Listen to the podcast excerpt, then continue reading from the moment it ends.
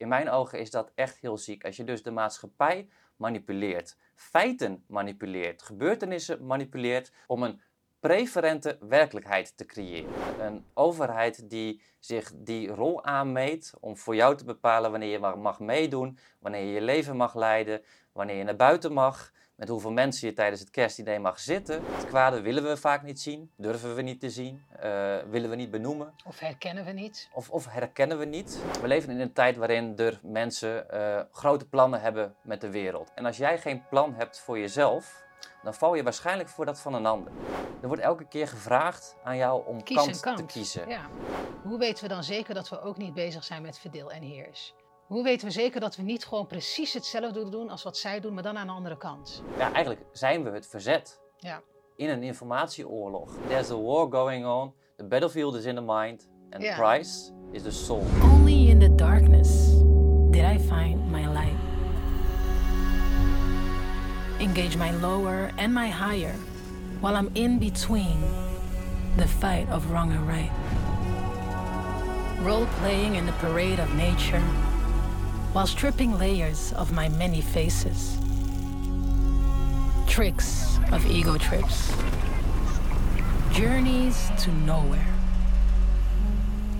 Now, here we are, in the same world that takes and gives, where everybody dies, but not everybody lives. Yes, trauma and stress but also our greatest powers lie suppressed in feared shadows, just craving to be expressed. Welkom terug bij een nieuwe aflevering van Wijsdom. Superleuk dat je kijkt. Ik zit hier vandaag met een oud collega, David Boeistra. Welkom. Dankjewel. Voor het eerst bij mij hier in de studio. We hebben natuurlijk al meerdere uitzendingen gehad. Behoorlijk wat. Inmiddels denk ik uh, 150 voor jou? Ja. Zoiets? Ja, ja. Even voor de nieuwkomers, mocht je nog niet geabonneerd zijn, doe dat nu dan even. Rechts onderaan dit schermpje heb je een knopje subscribe, abonneer. En mocht je mij willen steunen, kijk dan even op sennoosje.com slash doneren. Hoe is David Boerstra? Ja, hoe ben ik? Ehm, ik denk dat ik het best kan omschrijven door wat me drijft. Wie je bent verandert denk ik door de tijd heen, ehm, afhankelijk van de omstandigheden. En ja, wie ik ben of wat ik ben. Ja, ik ben van nature heel nieuwsgierig. Ik denk dat dat een van mijn grootste drijfveren is, nieuwsgierigheid. Maar ook een heel sterk rechtvaardigheidsgevoel. Ik vind ehm, dingen interessant die tegen onrecht aan uh, schuren. Dat, dat, daar wil ik meer van weten en daar wil ik dan ook graag iets in kunnen betekenen.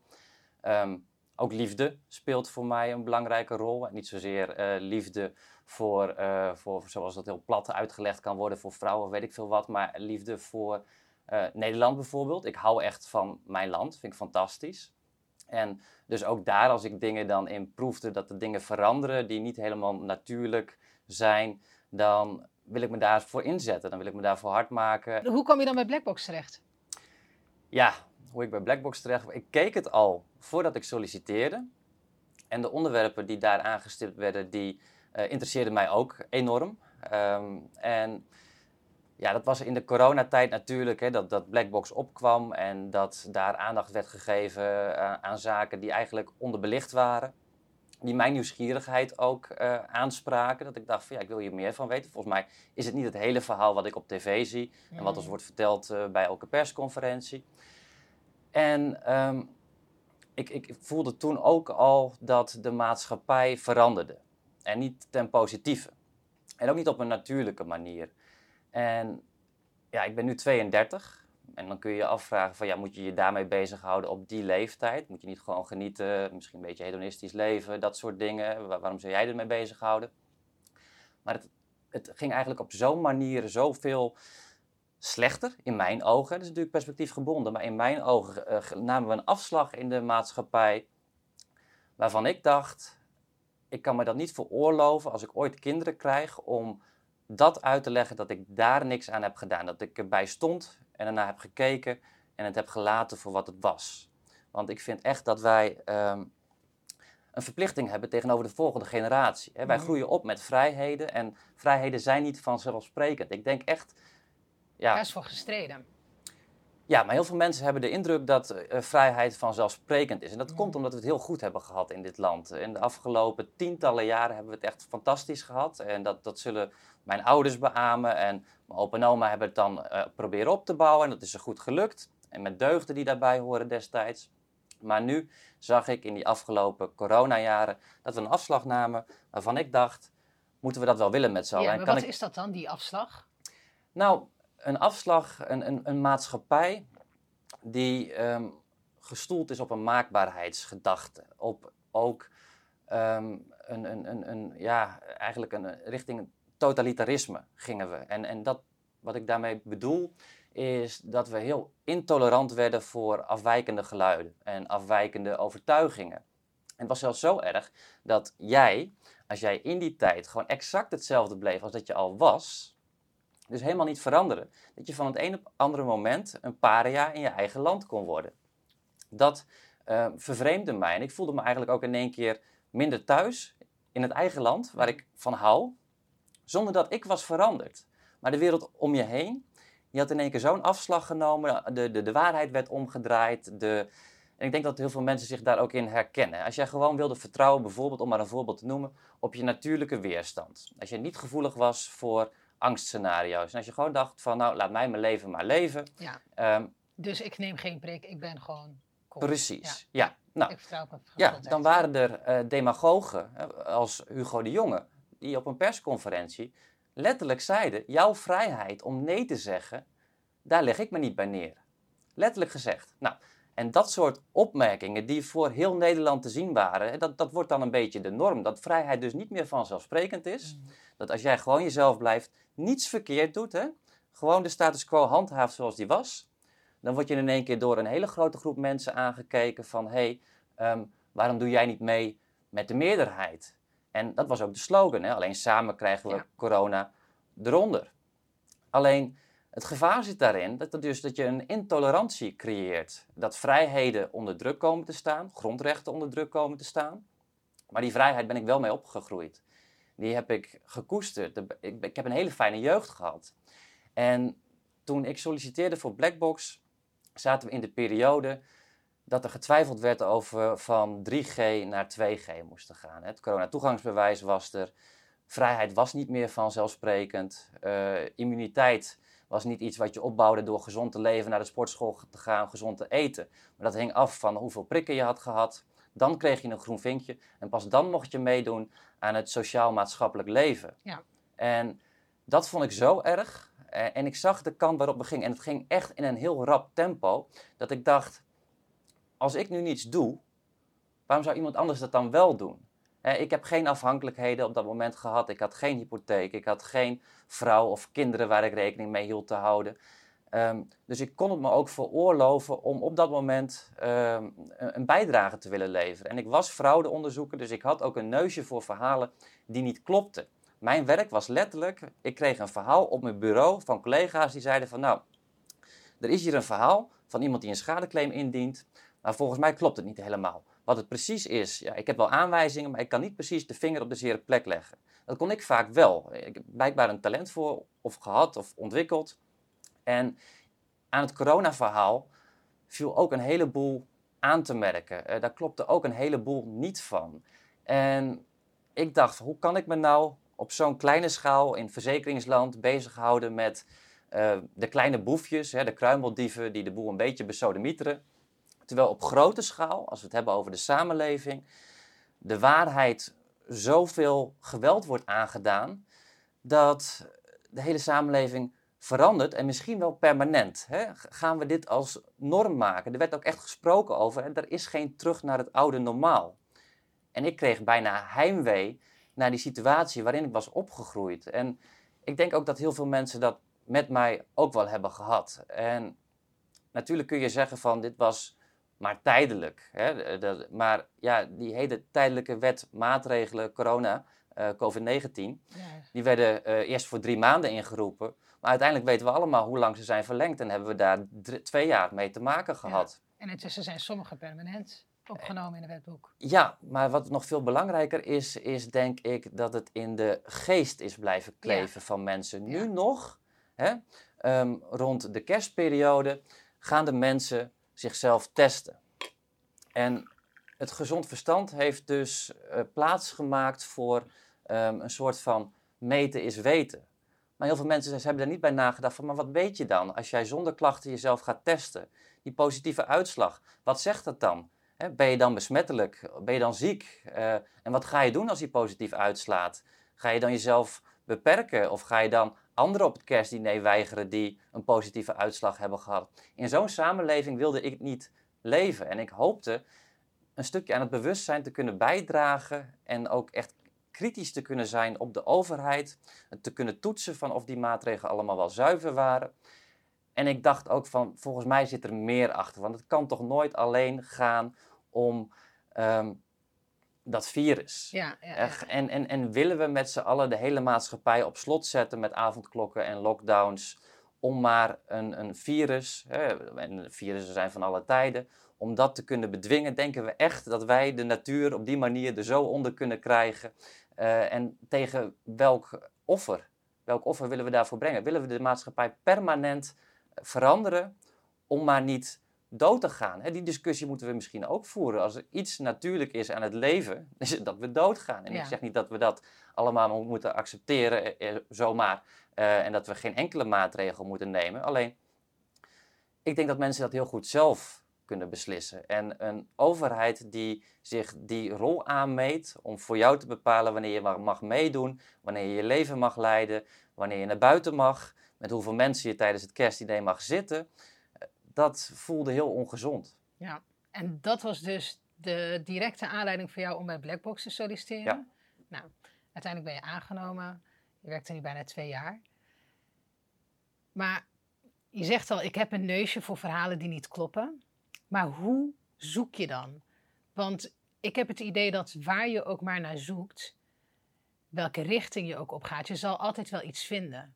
Geloof je bijvoorbeeld dat iets niet waar is en je gaat het onderzoeken, dan kun je erop uitkomen dat het niet waar is. Geloof je dat iets wel waar is, dan ga je onderzoeken en dan kun je erop uitkomen dat het waar is. Er is zoveel informatie beschikbaar. Ja. Hoe zoek je? Het begint sowieso bij zoeken, bij nieuwsgierig zijn en willen onderzoeken. En dat is een um, nare kwaliteit van de huidige maatschappij, is dat mensen niet meer willen onderzoeken. Mensen willen eerder bevestigen wat ze al weten. Ja, mensen willen bevestigd worden in hun eigen gelijk. Ja. Mensen um, zijn geneigd om voor ophef te gaan, daarop aan te slaan. Um, het is een periode van one-liners, van soundbites, uh, van, van snelle informatie. Uh, nieuws wordt ook vermengd met amusement. Hè? Nieuws moet leuk zijn.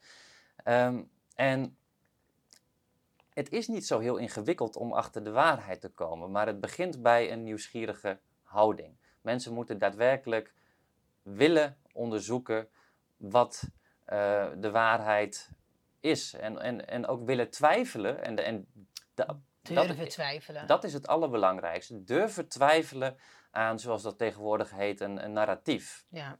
Hè, een, een gewenst verhaal. En we zitten echt in een informatieoorlog, durf ik wel te zeggen. En dat hoef je niet van mij aan te nemen. Er zijn ook anderen die dat hebben gezegd. Dat we in een tijd leven van uh, informatie. Uh, ja, we zitten echt in een informatieoorlog waarbij feiten en gebeurtenissen worden gemanipuleerd om een preferente werkelijkheid te creëren. Nou, laat dat even bezinken hoe ziek dat klinkt. Maar de waarheid, ik zei het net al, die wordt geweld aangedaan en dat wordt bewust gedaan. Om dus maar een gewenste werkelijkheid te creëren voor de burger. En eh, niet de gewenste werkelijkheid die jij of ik willen, nee, die overheden willen. En dan wordt het eng. Echter, de oplossing is wel heel simpel. Ga zelf op onderzoek uit, vaak refereren, artikelen uh, of, of, of instanties ergens na. En het stomme is, het is heel eenvoudig om dat bronmateriaal erbij te pakken. En vaak ziet men dan zelf al, als je oprecht nieuwsgierig bent, van hé, hey, dit klopt niet helemaal. Nou, en dan ga je verder zoeken. En op de grote thema's is het denk ik, um, vaak zie je in de uitvoering dat een verhaal misschien toch niet helemaal klopt zoals het verkondigd wordt. Kun je hele simpele voorbeelden bij noemen. Het corona-toegangsbewijs. Mark Rutte werd een keer geïnterviewd en toen werd hem gevraagd van ja, maar heeft zo'n corona-toegangsbewijs wel zin als je daarna nog besmettelijk bent? Toen zei hij ook, nee, natuurlijk niet. Ander voorbeeld. Ehm, Hugo, of nee, Hugo de Jonge, Mark Rutte, ander moment, werd gevraagd van, heeft u zich wel getest?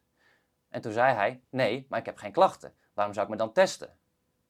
Heel redelijk argument.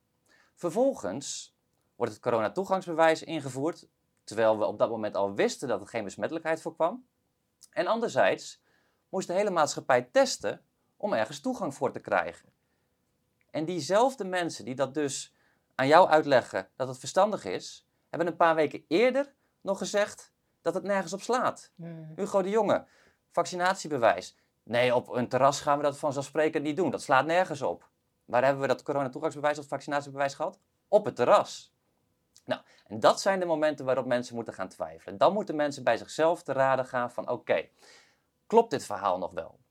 Ander voorbeeld, doelpalen die continu opschuiven. Als men eerst zegt van dit is het doel. En als men in de buurt van het doel komt. En dan zegt van nee, oké, maar misschien moeten we dat doel een beetje opschuiven. Heel veel mensen zijn vergeten, maar we begonnen in die tijd met een, een, een, een credo van oké, we doen het voor de kwetsbaren. We hebben tijd nodig voor een vaccin, waar van alles op aan te merken valt, maar we hebben tijd nodig voor een vaccin om dat te ontwikkelen. En als dat er is, dan vaccineren we de kwetsbaren en dan kan de wereld weer open. Nou, vervolgens was het zo, nee, we hebben een vaccinatiegraad van 60% nodig. Hmm. Daarna werd dat 70. Daarna werd dat 80. Vervolgens moest dat bijna 90 of het liefst 100 worden. Iedereen moest eigenlijk die prik hebben. Ja. Waarom zou je dat niet nemen? En notabene bij kinderen. Hè? Er gingen prikbussen, en dat, dat was een van de ergste momenten vond ik uit die periode. Er gingen prikbussen naar scholen toe om daar voorlichting te geven voor kinderen die dan de prik eventueel maar zouden moeten nemen. Want de vaccinatiegraad in die leeftijdscategorie was volgens de overheid te laag. Kinderen die niets kon worden verweten, die kon je niet verwijten dat zij oma of opa ziek maakten. Ook niet eh toewrijven dat zij dat nodig hadden. Want kinderen werden er niet dodelijk ziek van. Bijna niemand werd er dodelijk ziek van, maar zeker geen kinderen. En toch gingen er prikbussen naar scholen. Daarmee werd in mijn ogen ook echt het ouderlijk gezag ondermijnd. Maar die bussen gingen naar die scholen toe om daar een prikcampagne te houden. Nou, dat soort dingen, dat moet toch bij mensen een gevoel hebben gegeven van, is dit wel helemaal zuiver? Klopt dit wel? Is dit wel iets wat we aan de overheid moeten overlaten? En zit er misschien niet iets anders achter? Hè? Waarom moet dat coronatoegangsbewijs als je daarna nog steeds besmettelijk bent? Waarom moeten kinderen die niets te vrezen hebben toch die prik hebben? We deden het voor de kwetsbaren. Waarom moet iedereen nu in één keer Ja. dit product afnemen van de farmacie, die helemaal niet bekend staat als betrouwbaar of, of zuiver op de graad? Ja, dit is, als je, als je het mij vraagt, gewoon helder denken. Maar ik kan me voorstellen dat er mensen zijn die dan juist door al deze stappen denken van... oh, wauw, het is zo ernstig dat ze zo ver gaan om zoveel mensen te overtuigen... dat ze zelfs naar scholen gaan, want zelfs kinderen moeten geprikt worden. Dus die helemaal meegaan in dat verhaal van... Hè, we zijn bezig met het bestrijden van een dodelijk virus. Die daar dus ook helemaal in meegaan. En eigenlijk alle stappen ook in dat kader zien. Ja. Het is echt waar, welk verhaal geloof je? Want als je het één gelooft, dan zal alles wat op je afkomt, dat zul je in dat kader gaan plaatsen. Nou, wat ik denk dat er is gebeurd, is dat er, eh, en ik had het net al over totalitarisme. Ik denk dat er, eh, en dat kun je die mensen ook bijna niet kwalijk nemen, dat er een enorme angst in de samenleving heerste. Ja. En om een of andere reden ben ik daar niet zo gevoelig voor. Misschien ben ik gewoon een nuchtere Drent. Maar die angst zorgt ervoor dat je ratio afneemt. Ja. En je beoordelingsvermogen neemt af. Je kan letterlijk niet helder denken. Je kunt niet helder denken, of niet even helder als zonder die angst. Ja, Nou, en daar werd gretig gebruik van gemaakt. Hè? Dat die angst ook in de samenleving moest blijven. Dat is ook gebleken uit eh, verschillende WOP-documenten. In Duitsland eh, hebben kranten daar excuses voor aangeboden. In eh, Groot-Brittannië bleek uit WOP-documenten dat er bewust angst werd aangejaagd om maar legitimiteit te kunnen vinden voor maatregelen. Hè, want de burgers zouden de ernst er niet van inzien. En bovendien is ang- angst ook nog eens een keer een ziekmakende factor. Dus het versterkt ook nog eens een keer het resultaat wat je eigenlijk niet wilde hebben. klopt. Dus Die ehm, weerstand gaat, je zakt meteen. ja, Ja, natuurlijk.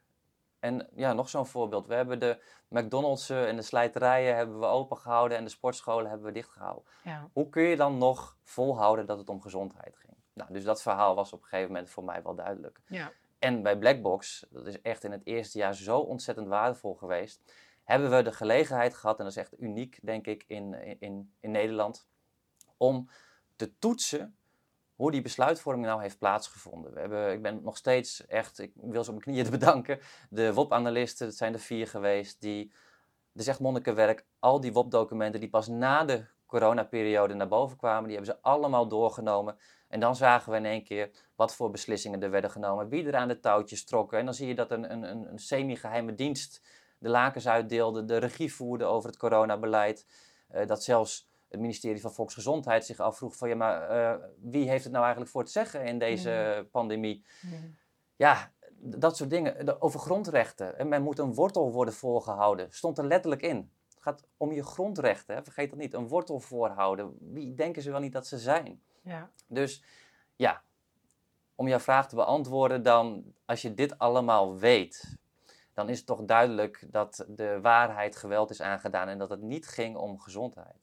Ja, wat je net al zei, uh, we zitten in een informatieoorlog. Ja. En je bent niet de eerste die dat zei. Dat, dat, dat werd al eerder gezegd. Laten we wel even kijken. Eén ding wat ik echt nog even naar voren wil brengen hierin. Dat is, we zitten wel midden in een periode waar we te maken hebben met uh, informatieoperaties, informatieoorlog. Een informatieoperatie? Mhm. Ja, zo heet dat tegenwoordig. Dat is een activiteit van strategisch belang. Dat is het manipuleren van feiten en gebeurtenissen, zodat je een preferente werkelijkheid bij je eigen bevolking, bij je tegenstander en bij het uh, internationale publiek neerlegt. Daar zitten we middenin. Een preferente werkelijkheid? Ja, dus je manipuleert feiten en gebeurtenissen zodanig dat je een preferente werkelijkheid projecteert. Televised reality. Daar zitten we middenin. Dus, en alle partijen doen dat. Wie was deze man? Ja, dit is uh, generaal-majoor van Kappen. En hij spreekt hier gewoon uit wat ik in de afgelopen tijd ook heb geconstateerd. En dit was gewoon op nationale televisie. Ja. Dus vergis je niet, het is geen complottheorie of wat dan ook. Wordt hier gewoon open en bloot toegegeven. Wie Duk, journalist van de Telegraaf, zit ernaast. En volgens mij hebben ze samen ook niet zo goed door wat deze man nou eigenlijk zegt. Maar hij zegt dus dat feiten en gebeurtenissen worden gemanipuleerd om een preferente werkelijkheid te krijgen. En preferent, hè, dus uh, in de ogen van de overheid gunstige werkelijkheid. Dus de werkelijkheid is niet iets wat aan zich bestaat en wat vervolgens aan de burger is om dan vervolgens een oordeel over te vellen of een mening over te hebben. Die wordt gemaakt. Ja, die wordt gemaakt, die wordt gecreëerd zodat jij het juiste denkt. Ja.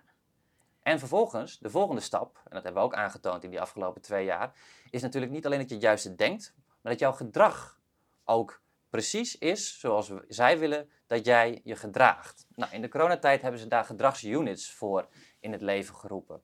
Heel eng, maar dan dus psychologen bij elkaar en, en mensen die helemaal precies weten hoe jouw brein werkt, waar je op reageert, wat ervoor kan zorgen dat jij je gedraagt zoals zij dat willen.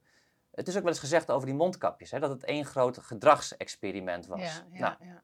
En in dit geval geeft dus een generaal-majoor buiten dienst van de mariniers dat gewoon toe dat dat plaatsvindt.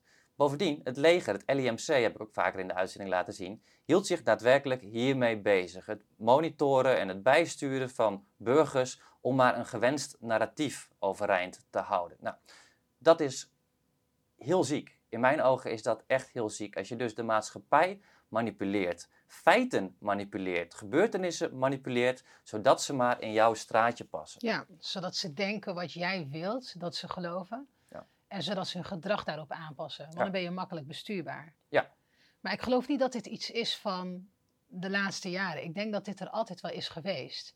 Ja. Maar dat het misschien met corona wat meer, in elk geval voor jou en voor mij, in deze fase van onze levens, meer naar voren is gekomen. Ja daar heb je een punt. Ik denk dat nu door de. Ja, we, we zitten in een technologische samenleving. Of je het nou wilt of niet, uh, dat is gewoon een feit. Mensen hebben dagelijks een medium bij zich, hun telefoon. Zeker in Nederland, waar volgens mij meer dan 90% ook toegang heeft tot internet op zijn telefoon. En dus direct ook beïnvloed kan worden door wat er op dat moment speelt. We keken massaal naar persconferenties, pushberichten kregen we. We hadden te maken met een corona-dashboard, al dat soort dingen. Dus, maar de, om ja, terug te komen op jouw punt, de technologie maakt mogelijk dat je elk moment van de dag beïnvloed kunt worden. Ik zeg niet dat het op elk moment gebeurt, Maar de middelen zijn er nu. Zeker. Toen we met paard en wagen leefden, toen we per post eh, onze informatie kregen. We zitten in een, in een periode waarin we volgens mij in een week meer informatie kunnen krijgen dan mensen vroeger in 20 jaar tijd. Klopt. Ik moest vroeger voor mijn profielwerkstuk moest ik naar de bibliotheek. Dan moest ik boeken huren. Hè, dan kon ik uit een lijst kiezen welke boeken er waren. Die huurde ik dan. Een paar weken later kwamen ze binnen. Dan las ik ze en pas dan had ik die informatie tot me genomen. Nou, als je nu iets wil weten, kun je het op Wikipedia opzoeken, Google. Je kunt een boek bestellen, dat is waarschijnlijk de dag erna bij je thuis.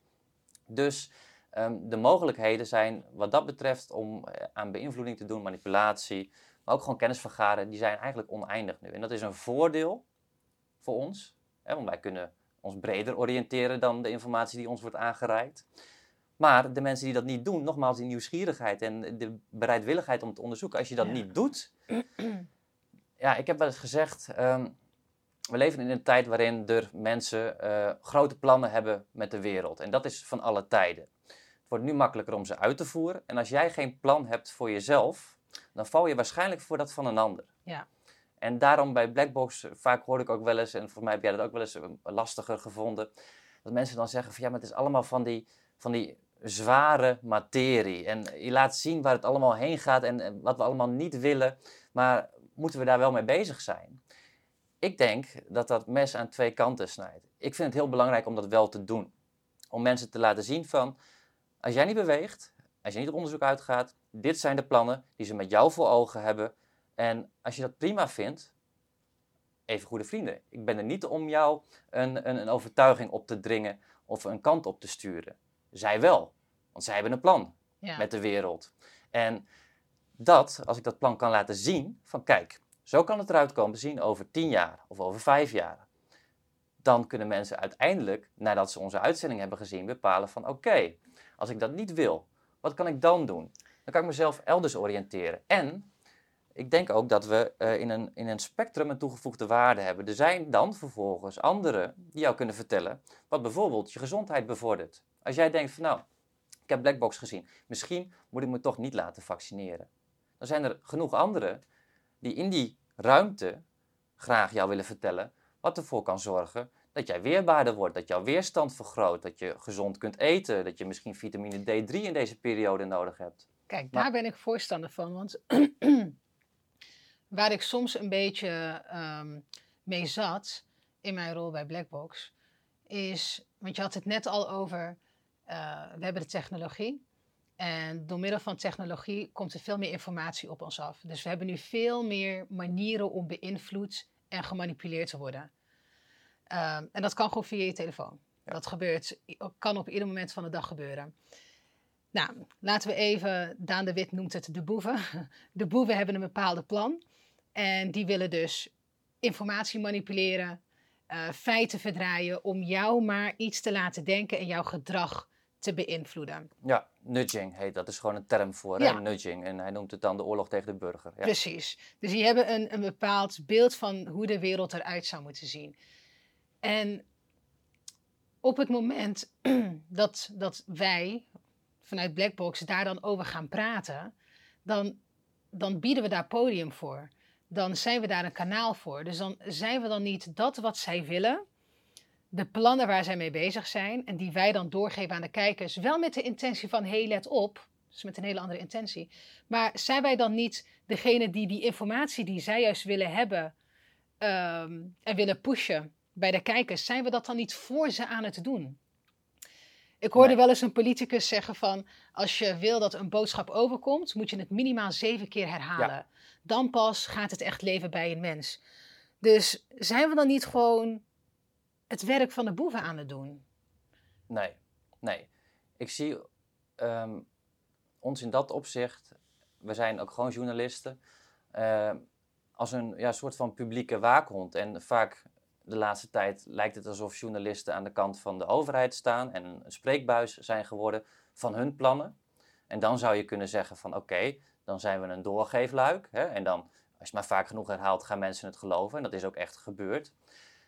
Maar wij vullen aan die andere kant van de weegschaal of de balans een heel belangrijk element in, denk ik. En dat is die signaleringsfunctie. Mhm. Maar laten zien van oké, kijk, ehm, De boerenstand hè, staat onder druk.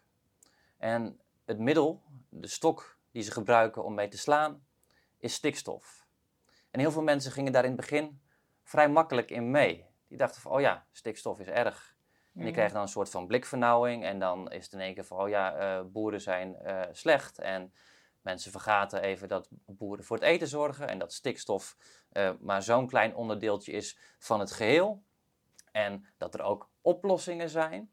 En dat, hè, dat je dus niet zomaar meegaat in een angstscenario, in een, een doembeeld van, want dat werd vaak gezegd, de natuur staat op omvallen, zorgen de boeren voor, dus de boeren moeten weg. Dat is eigenlijk een complete versimpeling van wat er aan de hand was. Wij hebben heel veel tekst en uitleg gegeven bij wat er uh, aan ten grondslag ligt. En als je dan de plannen kent van dat men bijvoorbeeld aan rewilding wil doen. Heel raar, maar dat ze 30% van de natuur in Nederland. Wat is de natuur in Nederland? Alles achter de dijk hebben we volgens mij zelf ja, gefixt. Precies, ja, maar goed, hè, ja, dat ze de natuur willen teruggeven uh, aan, aan wie? Ja. Aan de aarde. Um, als je dat begrijpt en als je dan weet dat Frans Timmermans het heeft gehad over het opnieuw rangschikken van de kaart van Europa. Hè, dat ze niet willen dat de voedselvoorziening in Nederland plaatsvindt. Hè, um, dat we naar smart cities moeten. Als je dat allemaal uitlegt, dan kunnen mensen vervolgens hun handelen naar eigen inzicht. Niet dat ik ze wat wil opleggen of, of blackbox, maar naar eigen inzicht kunnen mensen dan actie ondernemen. Hè? Mensen kunnen besluiten om te denken van nou, misschien wil ik dan wel niet meer in zo'n smart city wonen. Als je ziet wat er in Apeldoorn gebeurt, of als je ziet welke uh, cities er, uh, steden op het programma staan om een smart city te worden, waarbij je continu surveillance hebt, waarbij privacy eigenlijk iets is van het verleden. Wil je daarin wonen? Dat kan, wordt voor je geregeld. Dat is er. En dat gaat er komen. Zeg jij van nou, ik wil misschien meer in contact staan met de natuur. Ik wil die overheidsbemoeienis niet. Ik wil niet die camera's die continu op me gericht staan. Uh, en ik wil een stukje daar vandaan. Dan kun je misschien denken van nou, ik ga nu voor het eerst een huis kopen. Ze zijn ook goedkoper op platteland. Uh, de mensen zijn daar iets anders misschien nog wel. Laat ik daar naartoe trekken. Nou, dat, ja, kijk, je hebt het nu over vooral. Bij, uh, Blackbox geeft informatie. En met die informatie kan een persoon zich beter voorbereiden op wat er komen gaat. Ja. Dat is natuurlijk heel, heel afhankelijk van hoe jij met de informatie omgaat. Sommige mensen. Ik merk het namelijk ook wel eens aan mezelf. Hè? Um, hoewel ik heel erg denk van ik neem informatie tot me en ik neem niet alles in me serieus. En ik zie het grotere plaatje en sommige dingen die schuif ik ook weer van me af. Merkte ik dat informatie wat eenmaal in je zit dan toch nog effect heeft. Dus ik ben verder niet heel erg bezig met het financiële systeem. Maar vooral via Blackbox dan kreeg ik mee van oké, okay, um, het huidige monetaire systeem zoals dat nu is, staat waarschijnlijk op omvallen. Ja. En dan werd dat allemaal ondersteund met al die updates rondom BRICS en noem maar op. En um, toen was ik een keer een, een, een, een um, idee aan het bespreken met iemand. En op een gegeven moment ging het over monetizing en hè, hoe gaan we dat factureren en wat voor systemen gaan we dan aanbieden. En het was gewoon zo van, ja, gewoon uh, dollar natuurlijk, Amerikaanse dollar. En ik dacht meteen van, ja, maar moeten we dat wel doen? Mm -hmm. Want uh, dat gaat waarschijnlijk omvallen. En ik, ik was eigenlijk al helemaal dat script van wat ik dan bij Blackbox mee heb gekregen was ik eigenlijk nu al in een nieuw businessplan aan het integreren. Terwijl hij had zoiets van, het gaat misschien ooit omvallen, maar zover is het toch nog niet? Ja. Kan één jaar, twee jaar, kan tien jaar zijn. Klopt. We gaan niet nu al voorsorteren op iets waarvan we niet weten wanneer het gebeurt. Dan ben je echt op angst gedreven. Ja. dacht ik van, oh ja, shit, zie je, zo snel kruipt angst ja. er dus wel in. En dan probeer ik nog heel bewust te zijn met, oh, weet je, dit is informatie wat ik krijg en ik neem het niet tot me. Maar als het eenmaal in je systeem zit, um, dan, dan ga je er toch bewust of onbewust naar handelen. Dat, dat vind ik soms dat, lastig. Ja, van... dat, dat zou kunnen. En het, en het vraagt ook echt karakter om daarmee om te gaan, denk ik. En, en de een is gevoeliger inderdaad voor het angstelement uit een scenario dat gepresenteerd wordt dan de ander. Um, maar ik wil niet iemand beïnvloeden. Ik wil vaak graag, en daarom vind ik het ook bijzonder dat ik hier zit, want ik vind mezelf niet zo interessant, maar ik wil wel graag vaak mijn observaties delen. Ja. Van kijk, dit constateer ik, dit zijn de plannen. En dan is het een, een, een, periode van tijd die eroverheen gaat voordat het zich voltrekt. En soms heb ik zelfs ook gewoon dat ik vaak zelfs hoop dat het niet zo ver komt. Ja. Echter, um, als je kijkt naar de geldstromen, naar de belangen, dan gaat het toch wel vaak een kant op. En voordat je de tij hebt gekeerd, ben je een hele tijd onderweg. En het zou kunnen, in theorie inderdaad, dat de dollar uh, de, de wereldreservemunt blijft. Ik denk dat het nog een tijdje zo doorgaat. En op andere onderwerpen um, heb ik ook het idee dat er op dit moment nuttig gebruik gemaakt kan worden van dat soort dingen. Je hebt het over de dollar, nou, daar kun je best in handelen of, of monetizen, weet ik wat je daarmee wilt doen. Um, maar je zou ook kunnen voorsorteren op een scenario waarin dat op den duur eh, niet meer zo is. De wereld gaat veranderen. Je ziet dat in het oosten men zich verenigt, in andere valuta gaat handelen. Met welke snelheid dat zou gaan, dat weet niemand. Maar dat die weg wordt ingeslagen en dat er een verandering in de hegemonie van Amerika plaatsvindt, dat is een feit. En um, daar hoef je niet bang voor te zijn.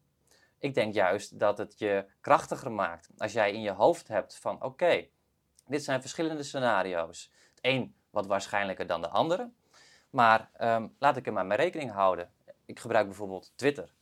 Vind ik bijzonder interessant. De meeste informatie die ik tot me krijg, doe ik dat. Ja, precies. Dat haal ik van Twitter. En dat doe ik hmm. bewust, want ik heb zelf geselecteerd welke bronnen ik wil volgen. Dus ontzettend waardevol. Maar ik weet ook dat Elon Musk zich presenteert als een uh, voorstander echt een purist als het gaat om vrijheid van meningsuiting, uiting, freedom of speech. Echter, ik weet anderzijds ook dat hij uh, bezig is met de app for everything. De Everything app heet het volgens mij daadwerkelijk. Naar evenbeeld van de Chinese ja. WeChat. Volgens mij heet het zo daar. Ja, dus een app waarin je gewoon alles kunt doen. Betalen, je medisch dossier. Of ja, is kunt dat doen. Je... je zegt het heel vrijblijvend. Maar uh, op een gegeven moment wordt het misschien wel moeten doen. Hè, dat die app alles bepalend is en dat daar een social credit system aan gehangen wordt. Een van de eerste uitzendingen die ik met heel veel plezier heb gemaakt, uh, volgens mij was het met Daan de Wit en uh, toen de tijd Eva Vlaardingenbroek, was van het is hier toch geen China. En dat is niet omdat ik mensen angst wilde aanjagen van kijk, dat gebeurt daar en overmorgen vindt dat hier plaats. Maar ik wilde dat mensen zich bewust zijn van dat het een mogelijkheid is. Ja. En als we alles centraliseren, als we al onze data prijsgeven, als we gaan naar een wereld waarin uh, schuld een maatstaf wordt. Hè? De, enerzijds schuld omdat anderen wat van je te goed hebben, financiële instanties, ik noem maar wat. Maar anderzijds ook dat je schuld wordt aangepraat. Klimaatschuld of de schuld tegenover je opa en oma, eh, omdat je die prik niet hebt genomen. Uh, als dat straks allemaal gecentraliseerd wordt in een kredietsysteem, hè, maar sociale kredieten. Hè. Normaal gesproken zou je een sociaal krediet hebben. Als ik aardig voor je ben, als ik af en toe wat voor je over heb, en dat is wederzijds, hè, dan bouw je sociaal krediet op. Nu willen we dat dan in een app, hè, naar aanleiding van een score, gaan faciliteren. Dat doen ze dan in China. En dat bepaalt wat je wel of niet mag.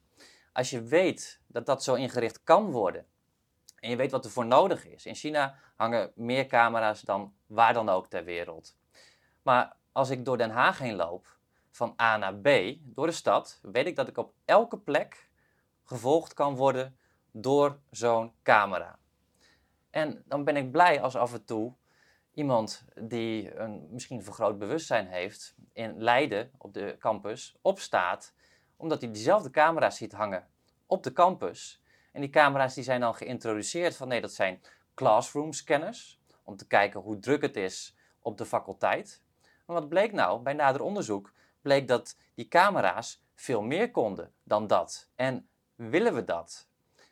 mensen, moeten, mensen zijn zich dus soms niet zo bewust, net als met vrijheid, van, de, eh, van het precaire eraan. Vrijheid is niet vanzelfsprekend, maar privacy ook niet. En eh, zij, ik noem maar een uh, World Economic Forum, zij sorteren voor op een wereld waarin eigenlijk transparantie de norm wordt.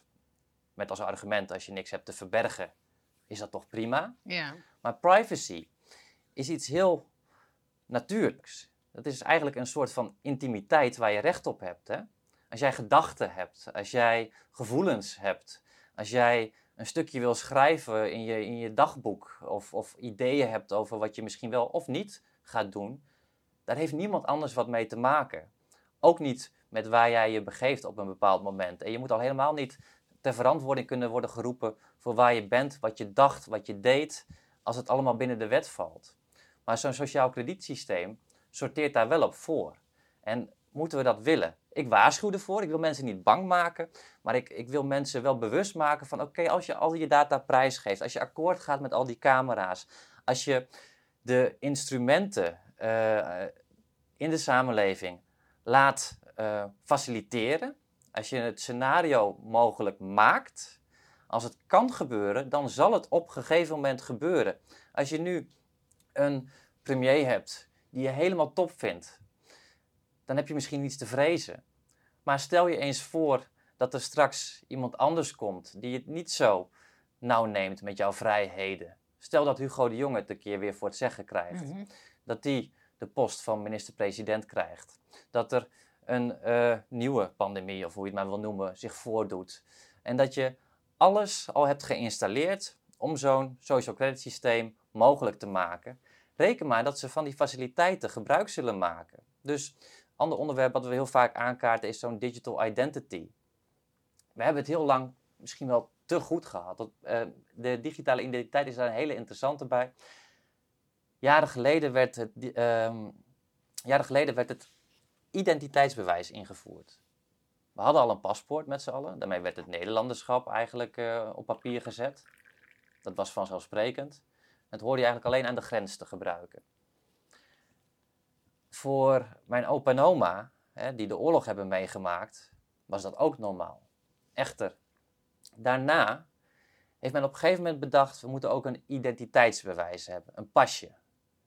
En dat voelde voor hen heel verkeerd, want in de oorlog... Voor je opa en oma ja, verkeerd, ja? Ja, want zij hebben de tijd meegemaakt dat zij in Nederland, dus niet aan de grens, maar in Nederland, op verzoek van de bezetter een Ausweis moesten laten zien. Dus er was heel veel weerstand bij die groep mensen, omdat zij wisten van ja, als wij dit faciliteren, als we dit mogelijk maken, dan gaan we mee richting een scenario waar wij kennis van hebben genomen, dat we hebben gehad en wat we niet moeten willen. Dus toen kwamen de waarborgen van nee, nee, weet je, het komt er, maar je krijgt geen identificatieplicht. He, we vragen er alleen om als je iets verkeerd hebt gedaan. Mhm. Nou, dat waren je opa en oma die dus dat besef nog hadden. Van het fouten eigenlijk aan iemand zomaar om zijn identiteit te kunnen vragen binnen de landgrenzen. Want we zijn er toch met z'n allen. Hè? Ik bedoel, dat is voldoende. Als je eruit wil of erin gaat, hè, prima, mag je paspoort laten zien. Maar zij voelden echt die oude tijd nog waarin de samenleving onder druk stond, waarin vrijheden onder druk stonden en waarin die niet vanzelfsprekend waren en je, je moest bewijzen wie je was. Nou, onze opa en oma's, die zijn er straks niet meer.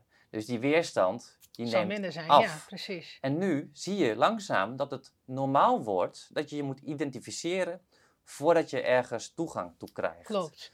Maar dus nu, we zien de oudere generatie, ehm, die dus bijvoorbeeld nog op basis van het verleden zouden kunnen zeggen van, oh, hier moet je niet naartoe willen in de toekomst. Ja. Ik maak me zeg maar, het is heel dubbel hè, uh, ik sta er echt heel dubbel in.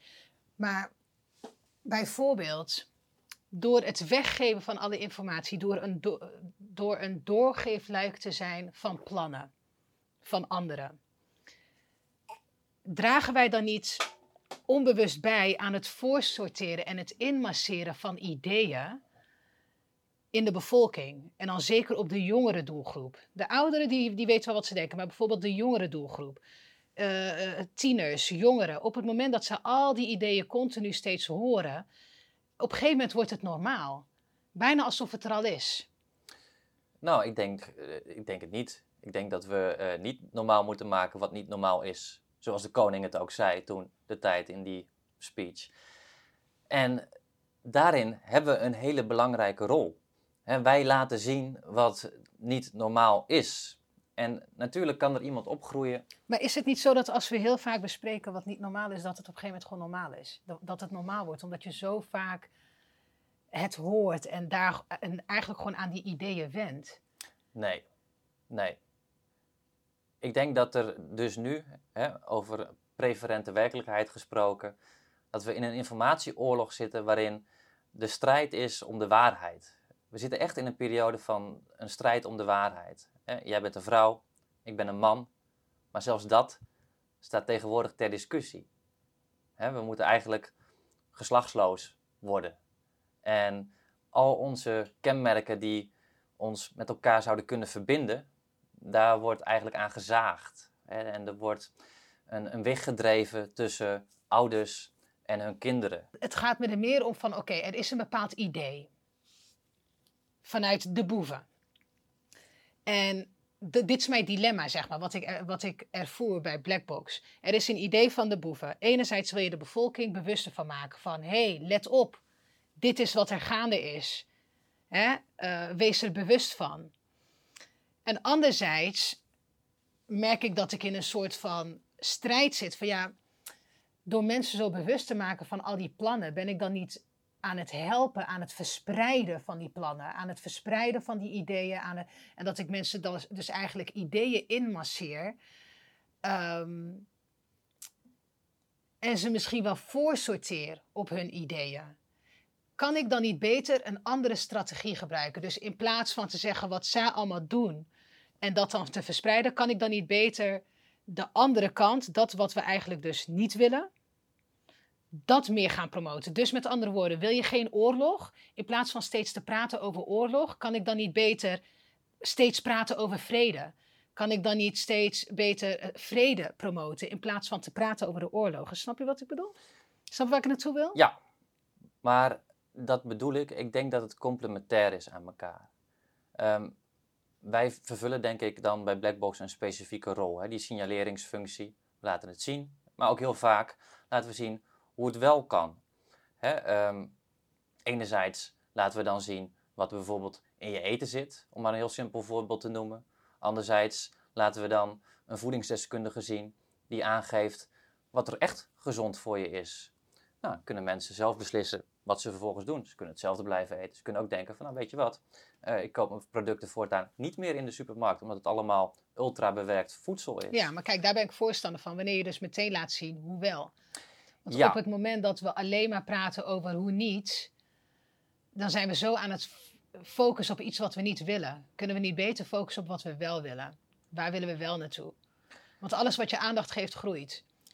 Ja, echter, ik geloof ook in de kracht van... Van signaleren. Van signaleren, maar ook van, van de mensen hier. Ik denk dat ehm, wij in Nederland helemaal niet doorhebben wat voor unieke positie we hebben in dit tijdsgewricht, in, in, in, in deze periode. Ehm, ik denk dat wij de ideale bodem hebben, en dan bedoel ik dat niet letterlijk, maar ehm, het ideale land zijn voor uh, plannen als de Great Reset. Ja. Um, ik denk dat als men die plannen heeft en ze ergens ter wereld wil uitvoeren, dat Nederland voor hen de perfecte plek is. Mm Maar ik denk ook dat wij Nederlanders hier um, echt een, een, een karakter hebben van we laten ons niet zomaar dingen opleggen. En onder angst lukt dat een tijdje, maar zodra die angst weg wordt het steeds lastiger om mensen de gewenste richting voor hen dan in te krijgen. En wij signaleren het, maar nogmaals, ik wil ook mensen helemaal niet dan dingen opleggen dat ze moeten doen, hè, hoe het wel kan.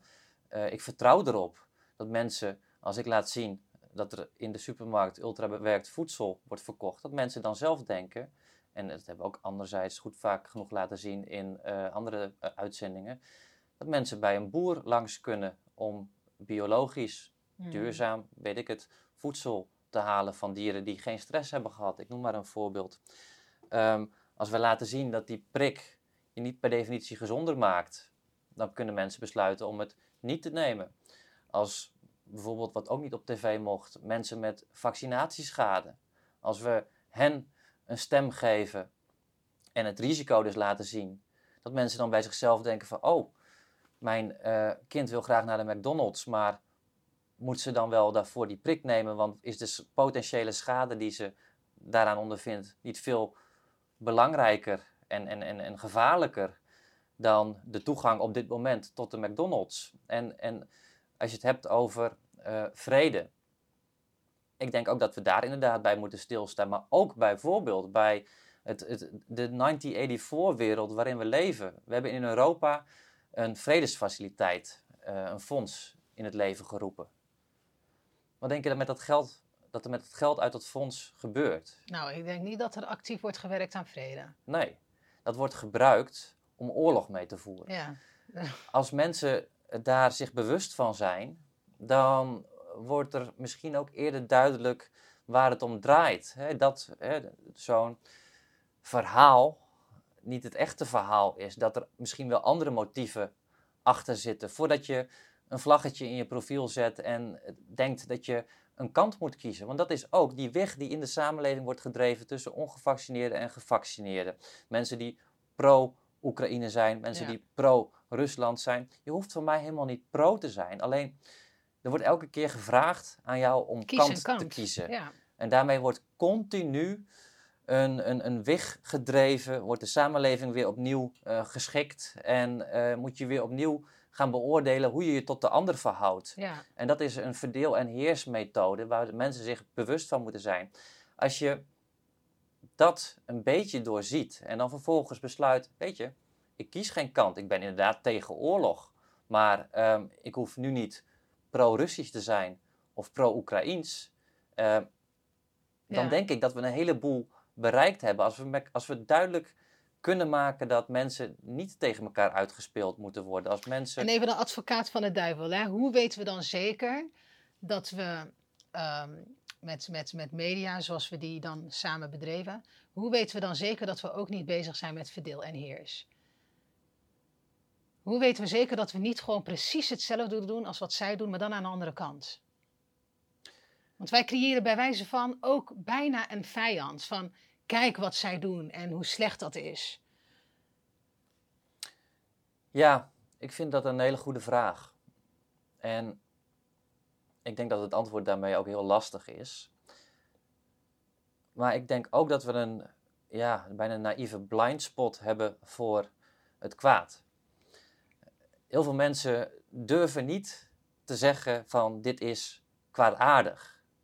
Dit is niet goed voor de mens in zijn algemeenheid. En ik denk dat er een heleboel onderwerpen zijn waarbij je daadwerkelijk het kwaad in de bek kunt kijken en kunt zeggen van dit is kwaadaardig.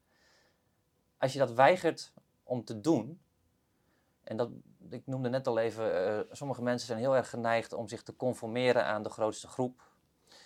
Daarmee bestaat de kans ook dat je die andere groep een heleboel kwaad aandoet. Dat je mensen uitsluit, dus eh, tweedeling creëert. En ik geloof in evenwicht op aarde. Ik Ja. geloof in het goed van de mens, maar ik geloof ook dat er kwaad is. Ik geloof dat het beide Absoluut. aanwezig is. Zeker. In elk persoon zit goed en kwaad, maar op aarde heerst ook het kwade en het goede. En het goede zien we vaak wel. En het kwade willen we vaak niet zien, durven we niet te zien, eh, willen we niet benoemen. Of herkennen we niet. Of, of herkennen we niet. Mhm. Eh, en, en in deze tijd is dat een hele lastige om het te herkennen. Want Zeker. kwade bedoelingen worden vaak eh, mooier voorgeschoteld. Die worden ja, in een pakket geformuleerd dat je bijna denkt van hier kun je toch niet tegen zijn. Hè, ehm, dat hebben we in de, in de coronatijd gezien. Dat zien we in een periode van oorlog. Ehm, dat, dat, dat zien we als het gaat om de digitale identiteit. Hè, dat wordt in Australië geïntroduceerd omwille van eh, anti-pesten. Hè. Dan probeert mensen Oh ja. eh, dat op die manier erin te fietsen. Eh, in Nederland gooien ze het op. wat was het ook alweer? In Nederland is het argument dat daarmee kindermisbruik kan worden oh, ja. voorkomen. Ja, ja, ja, ja, klopt. Ja. En ik geloof daar helemaal niets van. Ik maak me ook heel druk om kindermisbruik. Ik weet dat het plaatsvindt in Nederland op grote schaal.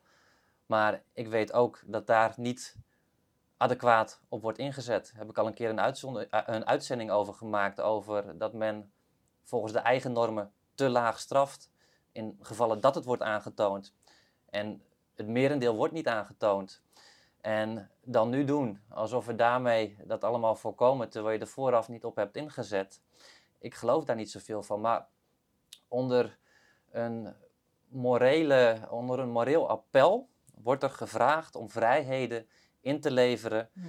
Waarbij je echt een heel sterk karakter moet hebben om te zeggen van nee, ik ben best voor het doel. Een betere wereld, anti-kindermisbruik, antipesten, maar ik weiger mijn vrijheid daarvoor in te leveren. Ja. Ik wil op wel op een andere manier bijdragen als het om gezondheid gaat. Ik weiger om die prik te nemen. Ik wil best op een andere manier bijdragen. Als je mij vaak, vraagt om vaker te sporten, dan doe ik dat. Als je me vraagt om gezonder te eten, wil ik dat ook wel doen. Laten we kijken naar wie er op de IC's terechtkwamen. Misschien moeten we van hen iets vragen. Hoeft niet afgedwongen te worden, want het is ook hun vrijheid. Maar vaak is het zo dat zij een plan hebben en het gevolg is dat jij daarvoor moet leveren. Ja. En het is ook altijd do as we say, not as we do. Men vliegt met z'n allen, met allemaal privéjets, naar Davos, om dan vervolgens vanaf daar ons op te leggen dat we minder moeten vliegen. Zij eten daar allemaal rijkelijke lunches en, en, en diners met eh, biefstuk, noem maar op. En wij moeten vervolgens dat minder eten. Krekels eten. Ja, wij moeten krekels gaan eten. Wij moeten ons minder bewegen. We moeten minder samenkomen. We moeten altijd maar minder. Ehm, en dat is bijna een anti-mens-agenda waar de mens niet aan wil. Het is misschien ook een beetje cognitieve dissonantie, dat mensen dat niet willen zien. Dat er een club mensen is die het met zichzelf heel goed voor heeft. En dat is van alle tijden. Je hebt altijd een elite die goed zorgt voor zichzelf en voor de kring eromheen. En de rest laat hen echt koud. Echt waar. Kijk ook maar naar ehm doofpotaffaires in Nederland. Hè. Men geeft niet zoveel om de onderkant van de samenleving. Als mensen vermorzeld worden onder kwade plannen of kwade uitvoeringen. Misschien waren de plannen wel goed, maar de uitvoering gewoon bijzonder slecht. Men wil dat niet prijsgeven. Men wil niet zeggen van dit deden we echt fout. En als, eh, als het echt kwaadaardig is, dan heeft men al helemaal een hele grote dode hoek eh, om dat in te zien. Het is, de toeslagenaffaire is de grootste zwarte bladzijde uit onze recente geschiedenis. Maar de verantwoordelijkheid, of nou ja, ik moet eigenlijk zeggen, de verantwoording daarvoor, is niet of nauwelijks genomen. Wie zou dat moeten gaan doen? Wie zou dat moeten gaan doen? Ja, die verantwoording nemen. En ik zie Nou. dus weer als zo'n idee, dan is er zo'n idee en dat wordt dan, en, maar er zijn zoveel lagen. En uiteindelijk wordt het samen uitgevoerd. Zoveel mensen hebben hier aan bijgedragen. Ja. Echt veel mensen, in, vanuit Ja. allerlei instanties. Iedereen draagt bij. Ja. Om, om een voorbeeld te geven, ik heb in de zorg gezeten. En eh, ik heb gezien hoe snel en hoe makkelijk kinderen uit huis geplaatst worden. Ja, dat is echt verschrikkelijk. En ik stond een keer bij een rechtbank eh, voor een cliënt. De cliënt is moeder. Dat, en haar dochter die had dan problemen, want die wil eigenlijk gewoon niet naar school. En die is leerplichtig. En het lukt moeder maar niet om haar op school te krijgen. Kind doet gewoon wat ze wil. Dus eh, jeugdbescherming had zoiets van, we halen het kind uit huis. En we hadden dus die zitting. En moeder zegt dat tegen mij, voordat we naar die zitting gaan, zegt ze, ik voel gewoon, ze gaan haar weghalen, ze gaan haar weghalen. Ik zeg, maar dat weten we helemaal niet, want er komt nog een zitting. Eh, er moet nog een uitspraak komen. Dat staat nog niet vast. Dat wordt straks bepaald. En zij was super achterdochtig. Nou, we hebben die zitting. eh, meisje heeft haar verhaal gedaan. Moeder heeft het verhaal gedaan. Ik heb mijn verhaal gedaan. Iedereen heeft zijn verhaal gedaan. En eh rechter doet uitspraak. Nou, zij wordt meegenomen. Eh, er wordt dus uitgesproken, zij gaat naar een gesloten inrichting. Oké. Echt, het is uitgesproken, ze slaat met de hamer erop en twee agenten komen binnen. En ik sta daar perplex. Ik denk, hè? Maar hoe kan dit? En ik, ik zeg nog, echt puur vanuit mijn verbazing, kijk die rechter aan. Ik zeg maar, hoe kunnen zij er al zo snel zijn? Je hebt het echt net pas uitgesproken. Ja. Nou, ja, misschien was, het, was men van tevoren al wel overtuigd van dat dit het resultaat zou zijn. Hè, dat kan. Dat Hè, ik, kan. ik weet niet precies hoe dat in de rechtspraak gaat. En misschien is het uitspreken een gevolg van een beslissing die eerder is genomen. Precies. Misschien staan die agenten standaard klaar. Als eh, niet die uitspraak werd gedaan, kwamen ze niet binnen. Kan ook. Precies, zoveel verschillende mogelijkheden. Ja. Weet ik niet. was voor mij ook voor het eerst dat ik zoiets meemaakte. Ik had zo'n zitting nooit gehad. Dus het was gewoon, wat al zei, een puurheid die gewoon zoiets, hebt van, zoiets had van... Hé, wat gebeurt hier en hoe kan dat zo snel? Nou, toen eh, werd er officieel een aanklacht ingediend. naar mij, bij mijn, zor- bij mijn eh, zorgaanbieder, Naar dus jou? mijn werkgever. Ja. Ehm, zij zorgt voor opruiing, verspreid achterdocht, eh, dus allerlei dingen. En met het verzoek om mij van die zaak af te halen. Vanuit de Bizar. jeugdbescherming. Ja. En ik had zoiets van, wacht eens even. Ik heb een cliënt. Mijn cliënt was al achterdochtig. Als wij dan agenten binnen zien komen, mag ik op zijn minst vragen, hoe werkt dit? Tuurlijk. En ik voelde daar ook de druk, want ik kreeg natuurlijk een gesprek met de manager en de directie en jeugdbescherming. En dan zit je gewoon met ja, een paar mensen aan tafel. De druk om, maar, om je maar in je hok te houden. Nee, je moet niet te veel nadenken, je moet niet te veel vragen, hou gewoon je bek. Dat is eigenlijk wat er wordt gezegd. Ja. En die druk, dat, dit zijn zor- dus werkprocessen die natuurlijk continu plaatsvinden. En het is heel makkelijk om dan te zwijgen en om maar mee te gaan in wat er van je wordt verwacht. Ja. Dus ook als het aankomt op toeslagen, heel veel mensen hebben daaraan bijgedragen. Want er gebeuren continu dingen die niet kloppen, Mhm. maar niemand trekt zijn bek open. Ja.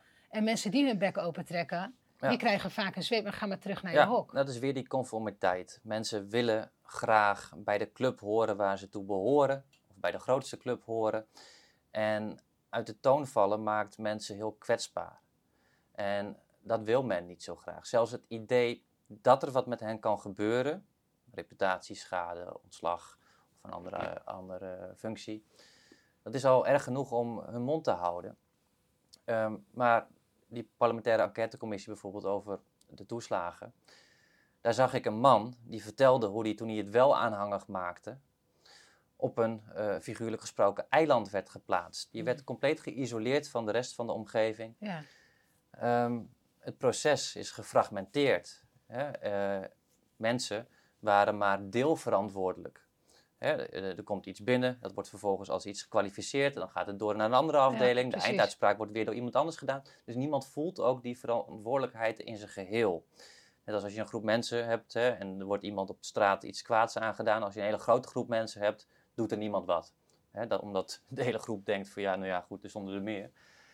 Ehm, met die uithuisplaatsingen nog weer een keer het punt dat dus een overheid... In Nederland worden van Europa de meeste kinderen uit huis geplaatst. Hè. Het is echt bizar. Het is dus weer de overheid die een wicht drijft tussen het ouderlijk gezag en hun kinderen.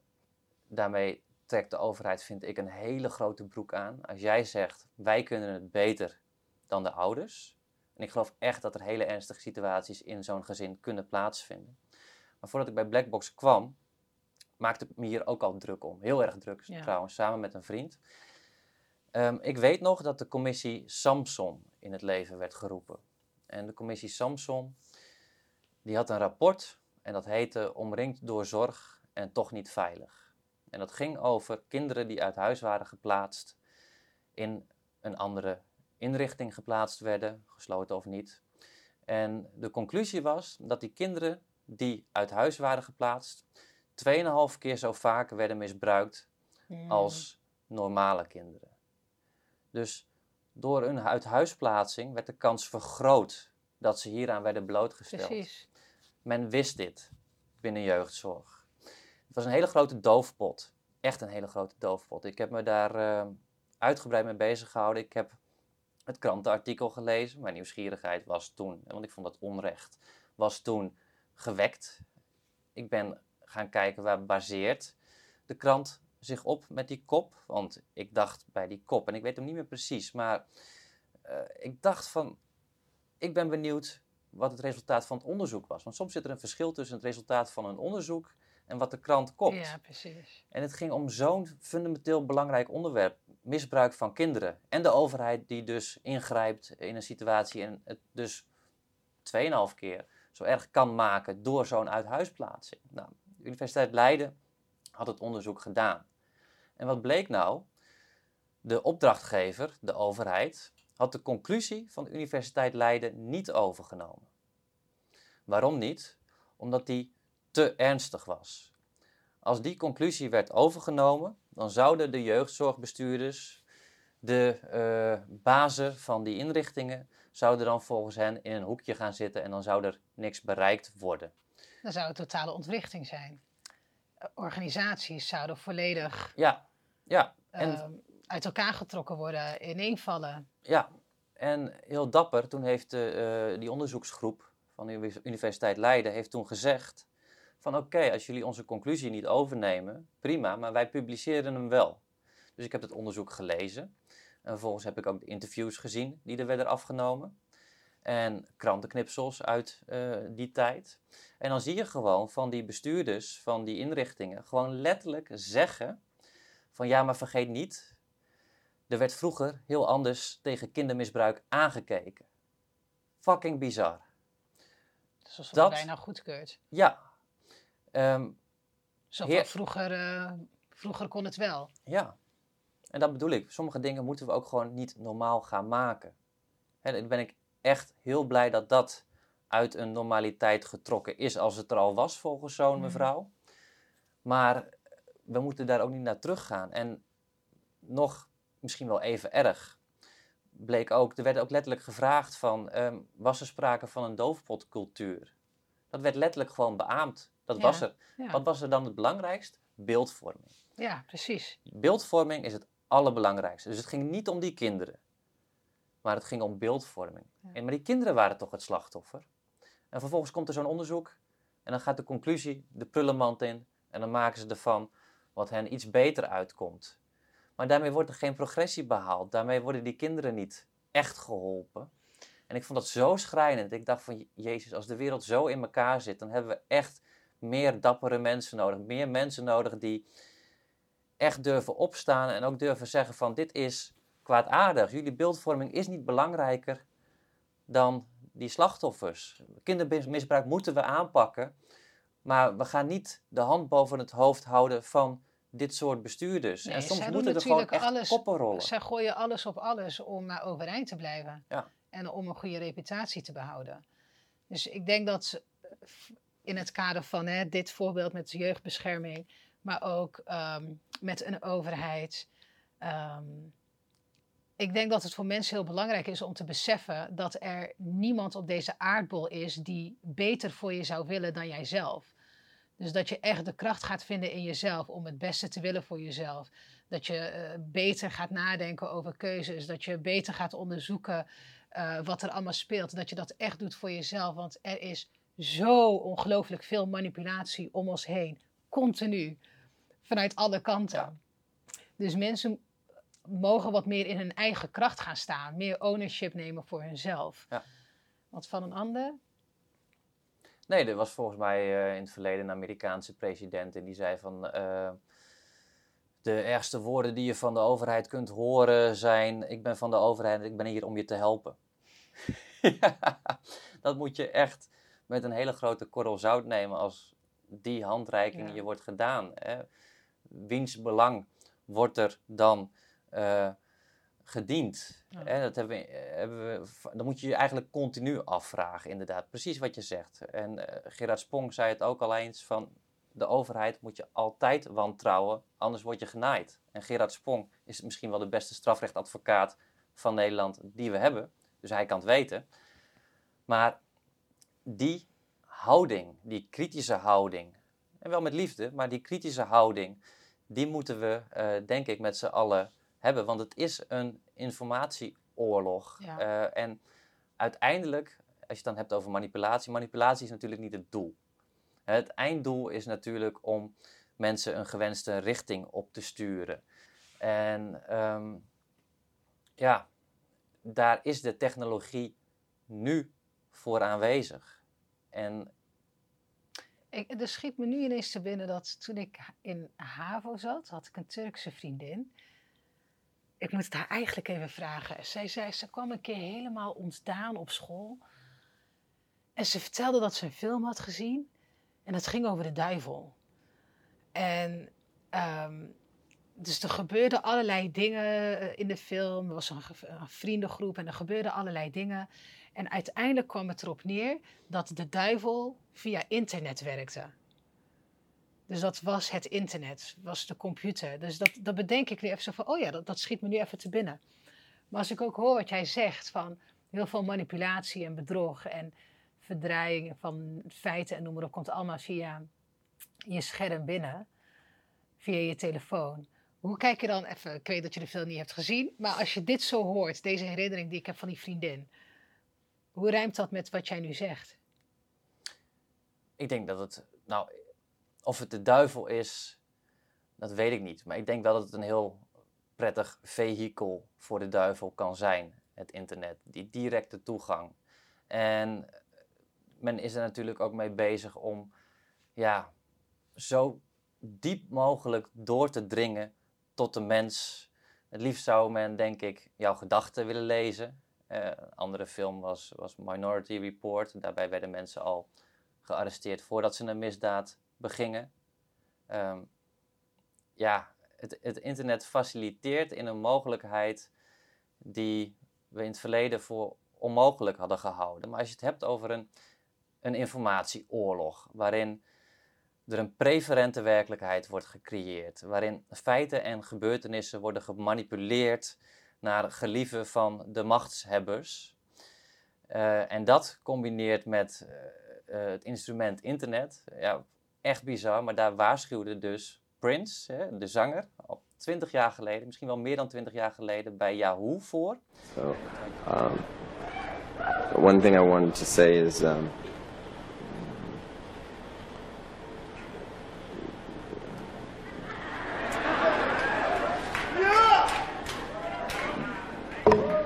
don't don't be fooled by the internet.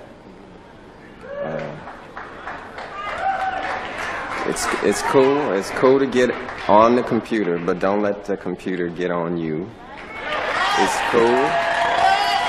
It's cool to use the computer. Don't let the computer use you. You all saw the Matrix.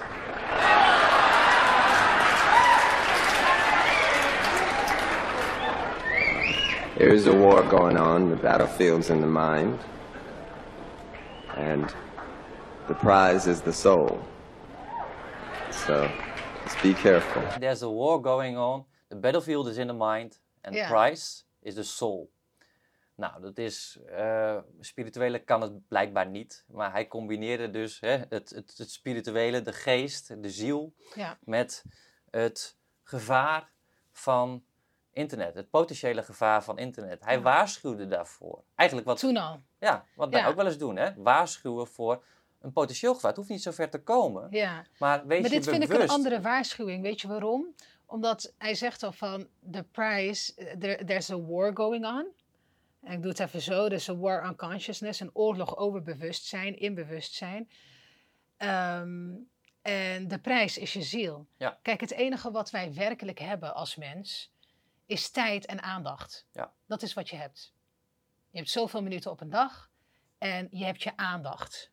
Waar focus je op? Wat geef jij energie? En wat krijg je daarvoor terug in ruil? Dus ook met dingen die we consumeren, dus eten, hè, wat neem je tot je? Dat wat je eet, dat wordt je. Dus eet je ongezond, word je ongezond. Maar ik zie dat dus ook zo met mediaconsumptie. Als je continu naar dingen kijkt die je bewust maken van angsten, dan word je dat. Want je hebt alleen je aandacht. Ja, ik weet niet of je je bewust moet worden van angsten. Ehm, ik zie het als een, een, een, plan dat mensen hebben. En ehm, ja, er zijn organisaties gewoon beter georganiseerd dan anderen. Er zijn mensen die nadenken over hoe de toekomst eruit moet zien. De meeste mensen doen dat niet. Die leven gewoon. Die gaan naar werk van 9 tot 5, kijken s'avonds Netflix. En die doen de dag erna hetzelfde. Die gaan mee met de waan van de dag. Ja. En ondertussen bewegen ze in het plan dat een ander voor hen heeft uitgestippeld. En of dat voor hen het beste plan is, dat betwijfel ik. Maar zij hebben daar ideeën mee. En waarschijnlijk is dat voor de mensen die dat plan hebben uitgelegd, voor hen het beste. Niet zozeer voor de massa die meebeweegt. En je hoeft dus niet angstig te zijn als je dat plan ter kennisgeving aanneemt. Ben ik ook nooit. Als, als, als ik al die plannen eh, zie, lees, doorgrond. Ja, maar wat zegt het? Hoe komt die informatie binnen en wat zegt het? Als we bijvoorbeeld continu zeggen: World Health Organization doet dit, overheid doet dit, dan zeggen we eigenlijk steeds: er zijn mensen die meer macht over jou hebben en die alles voor jou bepalen. Nou, dat is dan de indruk die we wekken. Nou, ik zou er een woordje tussen plaatsen. Ik zou Die willen alles voor je willen bepalen. Ja. en daarom heb ik het steeds over het karakter, waar ik echt goede hoop bij heb. Ik geloof echt dat er een heleboel mensen zijn die een sterk genoeg karakter hebben om uiteindelijk hun eigen oordeel daarin leidend te laten zijn. Dus die kunnen zo'n plan zich zien voltrekken en die kunnen dan, denk ik, misschien angstig worden, misschien ook niet. Ik denk ook dat er een heleboel zijn die denken van, laat ze maar lekker denken. Ja, maar, Maar ik denk trek- dat die ook niet kijken. Die doen gewoon lekker hun ding. plan. Ik denk dat die Nou. echt minder kijken, dat die gewoon hun ding doen. Dat, dat weet ik niet. Ik, ik denk dat er eh, een boel zitten, tussen zitten die kijken. Eh, een boel die op een gegeven moment hebben gedacht: ik zie precies waar het heen gaat. Niet waar ik wil dat het heen Ja, gaat. Dankjewel. Ik ga wat anders doen. Ja, En dat bedoel ik. Ik denk dat we daarvoor een hele waardevolle plek innemen. En dat we niet iedereen ook een kant op kunnen bewegen, maar ook niet moeten willen bewegen. Ik denk dat als mensen een, een groot plan. Ik denk, ik denk dat mensen het plan zien, wat er voor hen is uitgestippeld, en dat mensen de overtuiging hebben van, nou, dat is niet voor mij. Prima, bedenk maar wat je wil, maar ik ga daar niet in mee. Dat ze vervolgens inderdaad Blackbox kunnen laten voor wat het is. En misschien wel naar jouw podcast gaan kijken en meer richting zingeving bewegen. En dat gaat in gradaties. Ik denk, ik geloof heilig in dat ieder zijn rol hier heeft absoluut. op deze aarde. Daar ben ik het mee eens. Ik zeg absoluut niet, dat, het is wel belangrijk dat dat even goed begrepen wordt. Ik zeg niet dat het er niet moet zijn, hè? absoluut niet. Ik zeg alleen dat ik soms in een strijd zat dat ik dacht van, wat ben ik hier nou echt aan het doen? Wat is het effect? Los van mijn intentie, ik weet wat mijn intentie is, ik weet wat de intentie is van Blackbox. Maar wat kan het effect zijn op... eh, Ik, ik heb iemand bijvoorbeeld wel een keer een buddyavond. Ik weet niet of ik dat mag zeggen, maar ik doe het toch kwam een dame naar me toe en die was echt helemaal overspannen. En oh, er gebeurt dit en ze zijn bezig met dit, ze zijn bezig met dat. Ik heb haar hand vastgehouden, zo. Ik zeg, mevrouw, jij moet echt meer naar Blackbox kijken. Minder. Want ik had zoiets van, het werkt bij jou echt helemaal de andere kant uit. Ja. Ik zeg, ik geef je één advies, kijk alsjeblieft minder. Ja. En ik weet niet of je nog meer mediaconsumptie hebt, maar doe het maar wat rustiger aan. Heb ik ook wel eens gezegd tegen de moeder van een vriend van mij, die volgde alles, Nieuwe Wereld, Café Weltschmerz. Dan word je knettergek. Niet iedereen kan dat hebben, zoveel informatie. En het is ook bepaalde type informatie. Ja. Ja. Dus ik denk dat het goed is om dingen ter kennis te nemen. En dan te kijken van, oké, wat kan ik nu doen? Maar op het moment dat je merkt van het beangstigt of het bevriest je... Ja. dan moet je jezelf daarin gaan Nee, beschermen. precies. Ja, maar dat, dat, is, dat is. Wij signaleren, we laten het zien. Uiteindelijk, nogmaals, moet de kijker, denk ik, echt zelf bepalen wat goed is voor Ja. hem of haar. Ja. Om eh, aan te haken op jouw voorbeeld. De eerste eh, bijeenkomst die we hielden, volgens mij was het in Roelof Arendsveen. Toen stond ik nog even bij de ingang om een en ander te regelen. En toen kwam er een vrouw naar mij toe. En die zegt, eh hey David, eh, ik, ik ken jou. En ja, ik, ik, kan er nog steeds niet helemaal aan wennen, maar ik vond het zo lief. En ehm, toen was ik met haar in gesprek. En zij vertelde, mijn man is vorig jaar in mei overleden.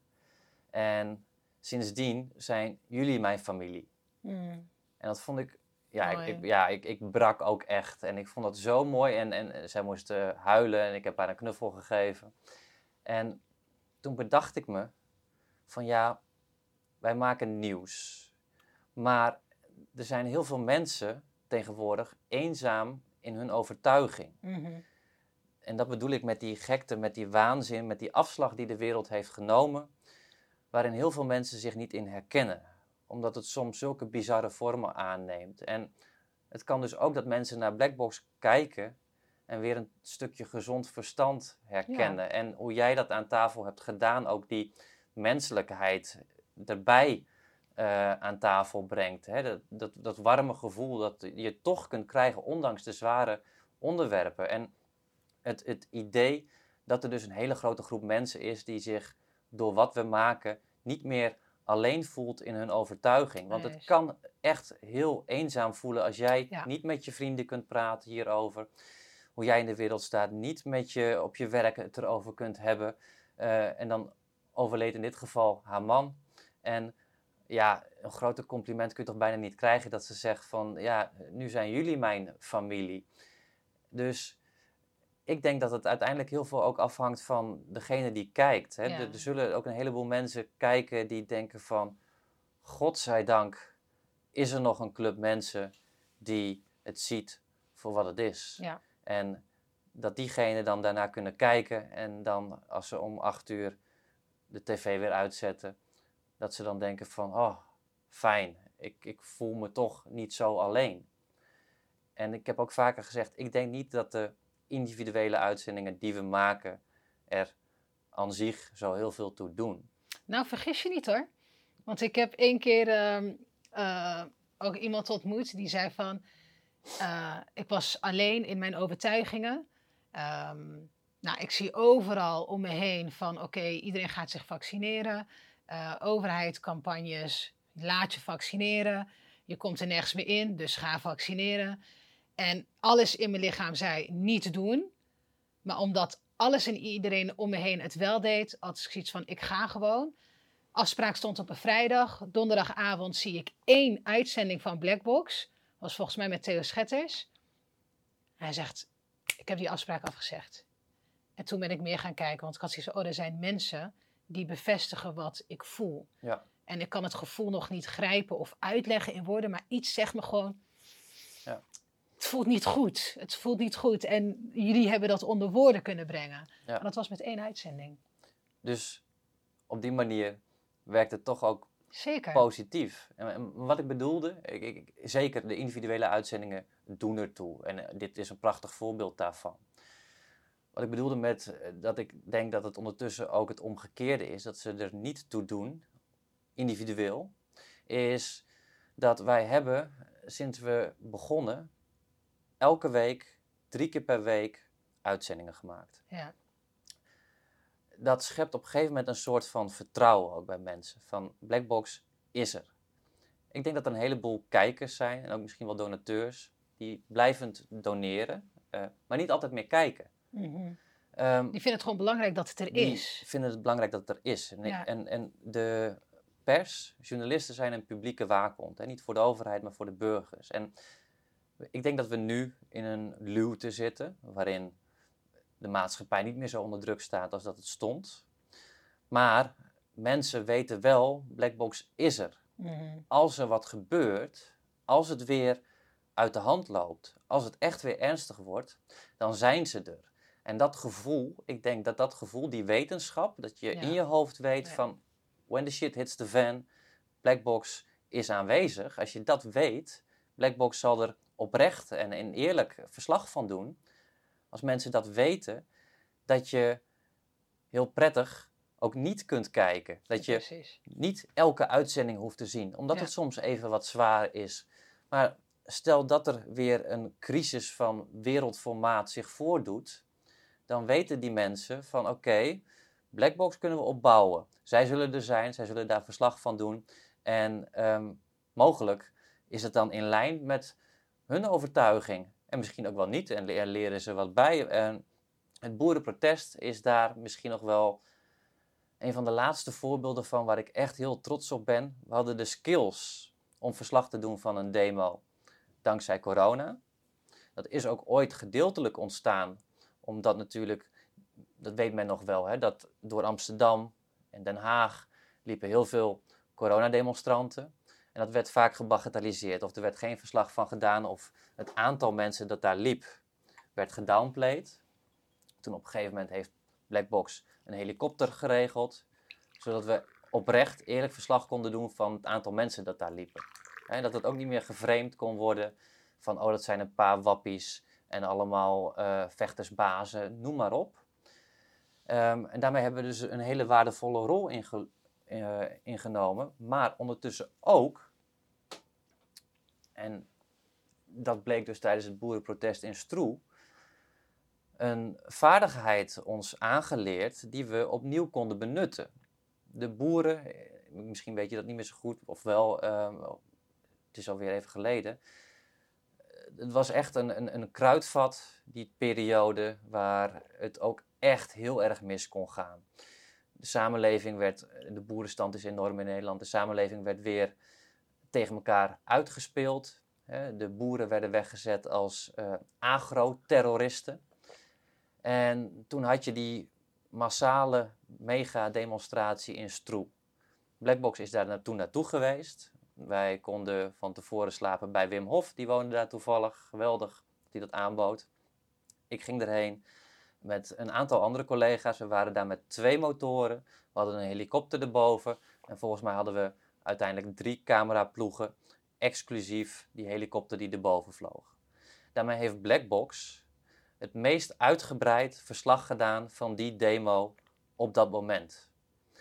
En daardoor kon het ook niet meer geframed worden zoals anderen dat voorheen wel eens deden van oh dat zijn uh, Proud Boys of uh, agro-terroristen. Al die framing was niet meer mogelijk omdat wij daadwerkelijk tussen de mensen stonden. Ik heb ze geïnterviewd. We stonden naast het podium. We stonden bij die politici. We hebben alles laten zien, de aard en de omvang. En dat geeft denk ik mensen ook een heel fijn gevoel. Hmm. Dat mensen weten van oké, als er weer iets plaatsvindt wat echt heel belangrijk is, dan zullen zij er zijn. En die wetenschap, dat bewustzijn, dat gevoel van ik ben niet alleen. En er is een partij die daar oprecht verslag van doet. Ik denk dat dat fundamenteel belangrijk is en dat mensen niet zo goed beseffen dat het zo uniek is in misschien wel Europa. We hebben bijna 10% van onze kijkers zijn Belgen. Dit, het bestaat niet in België. Ja, klopt. We hebben laatst hadden een bijeenkomst. Er kwamen ook allemaal Belgen, geweldig lieve mensen, kwamen we daar naartoe, omdat ze het niet hebben. En nogmaals, het is weer zoiets, niets is vanzelfsprekend en ook dit niet. En ik, ik, ik, ik, ja, ik hoop dat het niet zo ver gaat komen, maar ik hoop wel dat mensen zich beseffen hoe uniek dit is. En als we er niet meer zijn, dan wordt heel goed duidelijk hoe belangrijk we waren. Maar um, Daar gaan op we het, vanuit. Nee, maar op het moment dat we er zijn, dan hoop ik dat men dat koestert. Want ja, nogmaals, dit is echt uh, een informatieoorlog waarin wij aan het front zitten. We zitten echt, wat dat betreft, uh, is het een, ja, eigenlijk zijn we het verzet ja. in een informatieoorlog. En dat klinkt misschien heel strijdlustig of heldhaftig. Dat vind ik niet dat dat het is. Maar ja, als je in een informatieoorlog op zoek bent naar de waarheid en uh, daar je uiterste best voor doet en ook offers brengt, dan, um, dan zie je ook dat het gewaardeerd wordt. En uh, je ziet de crisis bij de NPO, omdat men de voedingsbodem onder zich weggeslagen ziet worden. Dat mensen denken van ja, waarom uh, moeten we nog naar de NPO kijken? Want die geluiden die we daar horen, die vertegenwoordigen niet onze zorgen die vertegenwoordigen niet wat er volgens ons in de maatschappij speelt. En ja, in dat opzicht ben ik wel heel trots met de uitzendingen die we maken. Want ik heb het gevoel dat wij dat wel beantwoorden. Dat, en dat, dat we echt een, een achterban hebben die dat enorm waardeert. Strijder. Je zei net al, dit is mijn laatste voorbeeld.